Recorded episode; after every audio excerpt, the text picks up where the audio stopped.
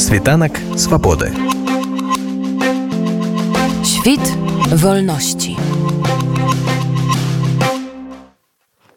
Я никакой не шпион. Я бывший уголовник, простой парень. Я очень тяжело болен. Я практически э, одной ногой уже стою в могиле. Какие шпионские игры? Шпион Азаров. И это сто процентов доказано. И уже все прекрасно знают, что он агент ГРУ, МО, РБ. У меня спит. Вот. А не так давно люди Азарова сделали мне инъекцию. Я могу это доказать с гепатитами, со всеми ну, АБЦ гепатиты. Там была инфекция очень дюжа поганая, а также множество вредоносных бактерий. У меня есть анализы, все это я могу доказать. Дело в том, что перед этим я стою на учете международном, ну, здесь на, на Вольская 33. Я перед этим делал анализ, у меня все были анализы хорошие. Есть врач, который может подтвердить мои сказанные слова, и у меня есть его контакт. Есть заключения врачей, которые, э, инфекционистов, которые подтверждают, что невозможно так сразу взять резко и чтобы у человека сразу было столько инфекций, столько гепатитов, столько всего, ну это просто нереально. Это только искусственным путем можно провести.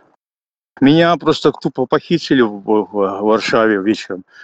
Вот, и завезли какую-то, я не знаю, ну, с повязкой такой манжет на глазах заломило ухо, поэтому я в наушниках и некоторые слова слышал, которые там они говорили. Они пытались изначально, чтобы я отказался от своей веры, потому что надо было так. Ну, это я услышал. Ему очень было надо, чтобы я отказался от своей веры. Также отказался от обвинений в суде. И добровольно, якобы психическим человеком вернулся в Беларусь и сдался белорусским властям. Я начал читать Шахаду, и один из них там понял, что ничего не получится. Он говорит, зачем вам вообще его вера была нужна? Вы что, попы?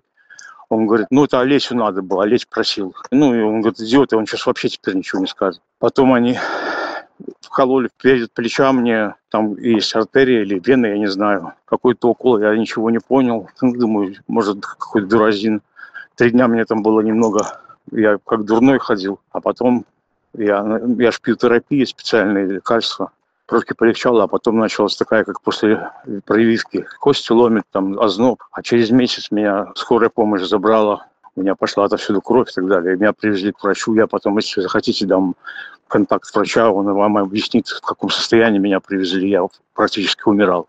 12 дней за меня боролись, и они просто не знали, что я до этого прошел специальные терапии Международная ассоциация по борьбе со СПИДом оплатила мне их. И у меня был определенный иммунитет к гепатитам. Поэтому сначала анализы показали, потом подтвердились. Врач сказал, что ну, это нереально, но говорит, у тебя все гепатиты, все это, говорит, инфекция, бактерии. А потом организм все-таки он дал толчок и отторгнул все эти инфекции.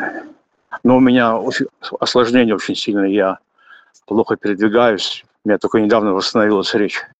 А, я в госпиталь попал 28 числа, вышел с госпиталя 10 числа.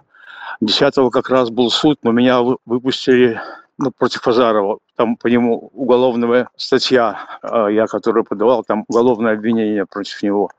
Меня выписали только поздно вечером. Меня скорая завезла домой, потому что я сам ходить не мог. Я поэтому не смог быть на суде. Они по-любому знали, что суд поэтому.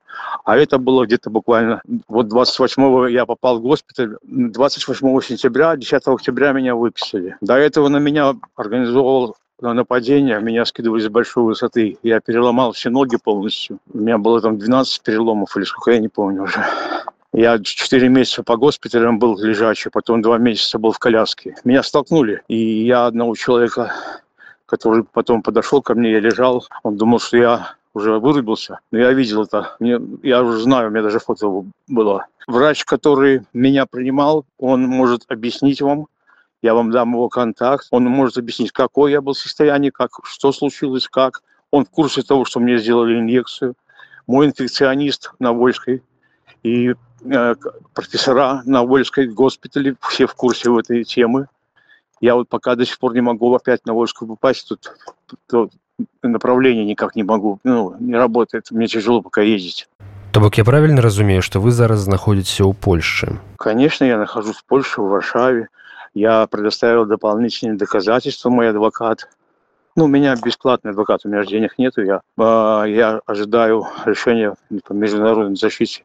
Он же тут постоянно всех курсует по средствам массовой информации, как у меня происходит, хотя это незаконно. Он рассказывает, что мне отказали, что я подал там апелляции, это нельзя делать, а он это рассказывает почему-то, зачем.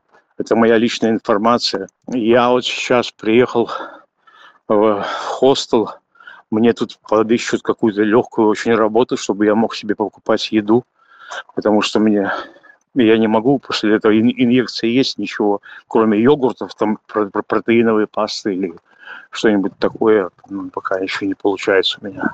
У якасці доказа таго, што вы агент прыводзіць тое, што вы ўдзельнічалі ў акцыях дыяспары ў варшаве і кажуць, што нібыта вы здымалі людзей, якія туды прыходзяць. Гэта так? Я ничего не снимал. На акции я ходил, потому что это нормально. Я и в Белоруссии ходил ну, не для того, что там как бы я ходил Э, потому что когда протесты были, я походил, чтобы ментов побить. Это был повод и возможность побить ментов. На меня потом и вышли люди, которые немножко придали это политический окрас этому. А так я выходил, и там ментов побить. А здесь я я ненавижу Лукашенко, ненавижу ментов. А с Азаровым вы особисто знакомы? Я Азарова знаю с 2014 года. Он пришел ко мне на кабинеты после того, как ко мне приходили там начальники всякие. Хотели, чтобы я сделал то, что я не хочу. Я отказался. Пришел потом Азаров как карательная мера. Начал угрожать пытался меня завербовать, идиот. Я послал, ну, говорю, послал его, он начал меня пугать моими там детьми, там, женами, что там, вот. Я сорвался и опустил его прямо на кабинетах. Он бежал в уголке, а забежали вот этот начальник его и другие менты увидели это, а они ж хуже базарных баб, они это все, ну тут же все это разлетелось. Вот, потом он приезжал ко мне с 15 по 18 год, в 15 году где-то туда он приехал ко мне со своей группой захвата, они мне выбили зубы, побили меня сильно, вот он мстил мне, потом он приезжал, забирал меня в РОВД Фрунзенское, это чего подконтрольное РОВД было, где меня пытали, якобы он хотел, чтобы я дал показания против Пумы. Я его, этого человека не знаю, я знаю, уважаемый такой парень, фанат нормальный такой. Им пытался всем втереть, что я их агент или что тот же Пума, даже если бы я что-то сказал, он бы видел в деле, э, там нет ни моих показаний, ничего, я отказался гадости говорить против него. Потом он приезжал ко мне с ОМОНовцами, поломали мне там всю квартиру. У меня сейчас моя квартира в Минске, милиция, у меня там жили ребята, ну, муж с женой, я, чтобы они как-то смотрели за моей квартирой, там платили за газ, там воду. Их выжили из квартиры, все поломали. Квартира арестована, ее нельзя не продать, ничего хотели продать, нельзя продать, она арестована. Все мои счета, все мои дивиденды, все мои там, э, что мне там отец наставил наследство, все арестовано, все полностью заблокировано. Квартира разгромлена полностью. Даже проводку менты повырывали специально. Какой нафиг я агент, если я, э, чтобы вам было проще понятно, у меня несколько огнестрельных ранений от милиционеров. Есть документы даже там. Э, у меня на теле живого места нету. Мне выбили все зубы. У меня 28 сотрясений мозга от милиционеров. Какие агенты? Я не ангел. В тюрьме есть свои законы. Если человек не живет по этим законам, конечно, к нему относятся плохо.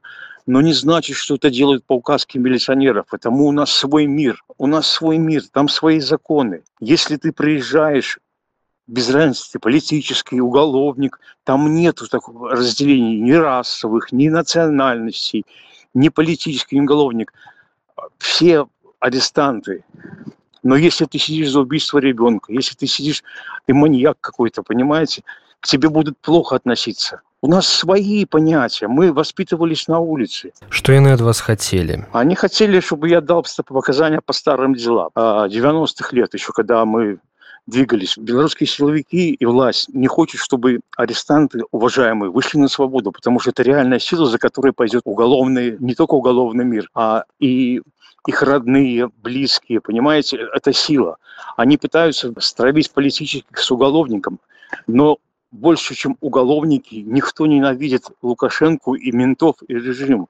Только уголовники. И если уголовники объединятся с политическими и это будет сила. Они поэтому пытаются всячески раздор сделать. Посмотрите, там это вот Тихановская наш постоянно как-то разделяет уголовники политические. Там основная масса уголовников, которые сидят по уголовным статьям, сидят по надуманным обвинениям, потому что они представляют угрозу для режима, потому что они на выйдя на улицу не будут стоять с цветочками, они будут брать биты и будут бить ментов. Шейман, Наумов, они реально убивали наших людей. Я об этом вопрос поднимал. Когда приехал сюда, поднимал. И Азаров больше всех возмущался. А вот вам почему. Потому что Шейман – это и есть крыша Азарова. Именно Шейман вытянул Азарова с, с, ну, с пленных следаков и тянул его, и карьера благодаря ему у него э, развивалась так стремительно, слишком стремительно. Распавядзіце, калі ласка, як вы потрапілі ў Польшу и калі гэта адбылося? Я отучился э, на сварщика, получил профессию, работал, подал заявку в э, легальная э, работа в Польше. Мне прислали специальный договор, приглашение, документы. Я сделал биометрию. Мне помогли заплатить иски, погасить, э, э, снять арест э, на счета, ну, всякие. И я все сделал официально. Вышел закон по биометрические паспорты. Я мне помогли ребята там, мы скинулись, я купил там 100, 100 рублей или сколько там стоило туда. Я сделал себе биометрический карт, ну, паспорт и, и карту, эту ID-карту. И по этим приглашениям, по рабочей визе подал документы, а агентство, которое находится в Польше, записало на визу, а сама, сами все сделали, короче. Это они легально здесь находятся, в Польше, все. Они все сделали, и мне буквально через неделю дали визу, и я выскочил под этот шумок. То бок я правильно разумею, вы пересекали межу там автобусом, то бок все было официально праз помежный переход, так? Да, я просто как ну, официально выехал, все, потому что как бы э, вот воспользовался биометрическим паспортом новым, э, ID-карта что не нужна, она как внутренняя получается. А по биометрии ты выезжаешь уже как загранпаспорт. И я выехал, как бы, ну вот так получилось. Это было 21 год, по-моему. 5 я выехал с Минска, 6 ноября я въехал в Польшу да 6 ноября по-моему распавядзіце что гэта за гісторыя з бутэлькай гарэлкі пасля якой вы нібыта з'ехалі бутылку водки которую якобы украли там да смотрите очень интересный момент человек про которого говорят вот э, эту фигню он сейчас находится здесь в польше в варшаве это мой друг я у него тогда никакую не бутылки водки ничего я у него взял телек посмотреть к себе да а меня задержала милиция с этим, ну, телеком. Держали, держали, говорили, мол, скажи, что ты его украл, заставляли меня там. Я говорю, что больный, мне дал человек посмотреть. Меня потом выпускают, я прихожу к нему, человеку к своему, ну, к этому другу, говорю, блин, они забрали твой телек, я забрал посмотреть. Он пошел туда, они вызвали следственную группу, а, сфабриковали дело и передали, меня задержали. Я сидел на Жодинской тюрьме. Потом меня привезли в суд. Э, парень, который, ну, мой друг, он пришел в, в этот суд, говорит, ну, говорит, я никакого заявления не подавал, мне ничего не надо, он взял у меня телек посмотреть. А меня запросил там прокурор аж три с половиной года запросил за это. Судья говорит, ну вы уже совсем офигели, вы могли хоть что-то как-то нормально придумать, но тут же вообще я не могу его посадить. Я понимаю, что вы хотите его посадить, но, говорит, ну, судья уже такая, говорит, ну, здесь, ну, потерпевшего нету, по, по сути. Все, что я могу сделать, это дать три месяца ареста. Больше ничего не могу. Она говорит, оправдать я тебя не могу, и дали мне три месяца ареста. Я еще там досидел несколько дней, и меня отпустили. Они так хотели посадить, но у них не получилось. А этот человек, э, он говорит, там никакой бутылки водки нету, это был телевизор. И не было никакого ни заявления, ничего. И этот человек, когда услышал вот эту всю фигню, он писал байпол, возмущался. У него потом из-за этого начались проблемы. При этом Азаров, будучи в Белоруссии, тоже э, его прессовал. Он фанат, он и на Майдане был и в протестах участвовал и травму получил на протестах байпол паведамляў что польскія спецслужбы нібыта зацікавіліся вашай асобай скажыце калі ласка ці звязваліся з вамі польскія органы паліцыя спецслужбы? Ці быў які-небудзь пераслед нет и никто на меня не свял же не выходил. Я польским спецслужбам сам передавал материалы через э, почту, ну как-то вот это, через окно их там, на, на самого Азарова. Азаров, он работал на мусоров, он работает на мусоров и будет работать. Он цепной пес Лукашенко. Таксама у Байпол паведамлялі, што вы вырашылі прыняць іслам нібыта дзеля таго, каб пазбегнуць дэпартацыі. Гэта так? Я давно тянулся к исламу. Я общался с мусульманами еще в Беларуси. Это мое. Когда я сердцем почувствовал, я принял ислам. Это произошло вообще непроизвольно. Э, у меня есть множество свидетелей, засвидетельствующих мою шахаду, уважаемых мусульман. Никто не знал, что так получится. Я принял ислам, потому что сердце мне подсказало. Это мое. Альхамдуллях, я счастлив от того, что я принял ислам. А теперь смотрите, мусульманину сложнее получить международную защиту. Азаров не любит мусульман. Азаров преследовал мусульман. Азаров топтал Коран на обыске у, у моего брата-сирийца, понимаете? Я принял ислам, потому что я подошел к этому и сердцем осознал, э, что нет Бога, кроме Аллаха. Он единственный. И это вам просто, ну, вам не понять. Вы, ну, не... Я став мусульманином, я стал счастливым, я нашел умиротворение, я счастлив. И вот смотрите, еще очень интересный момент, ну, потому что вам это пригодится.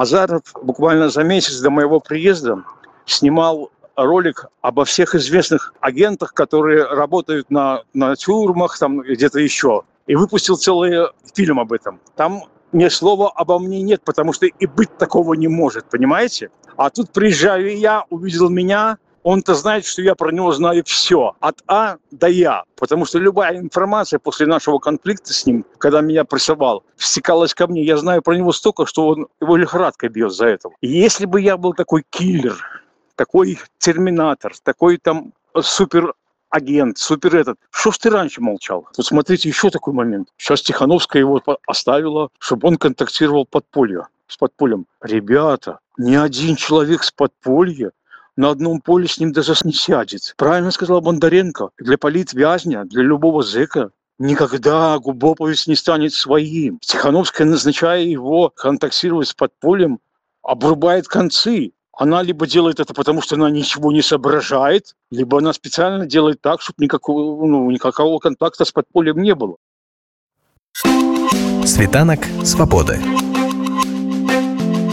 Świt wolności.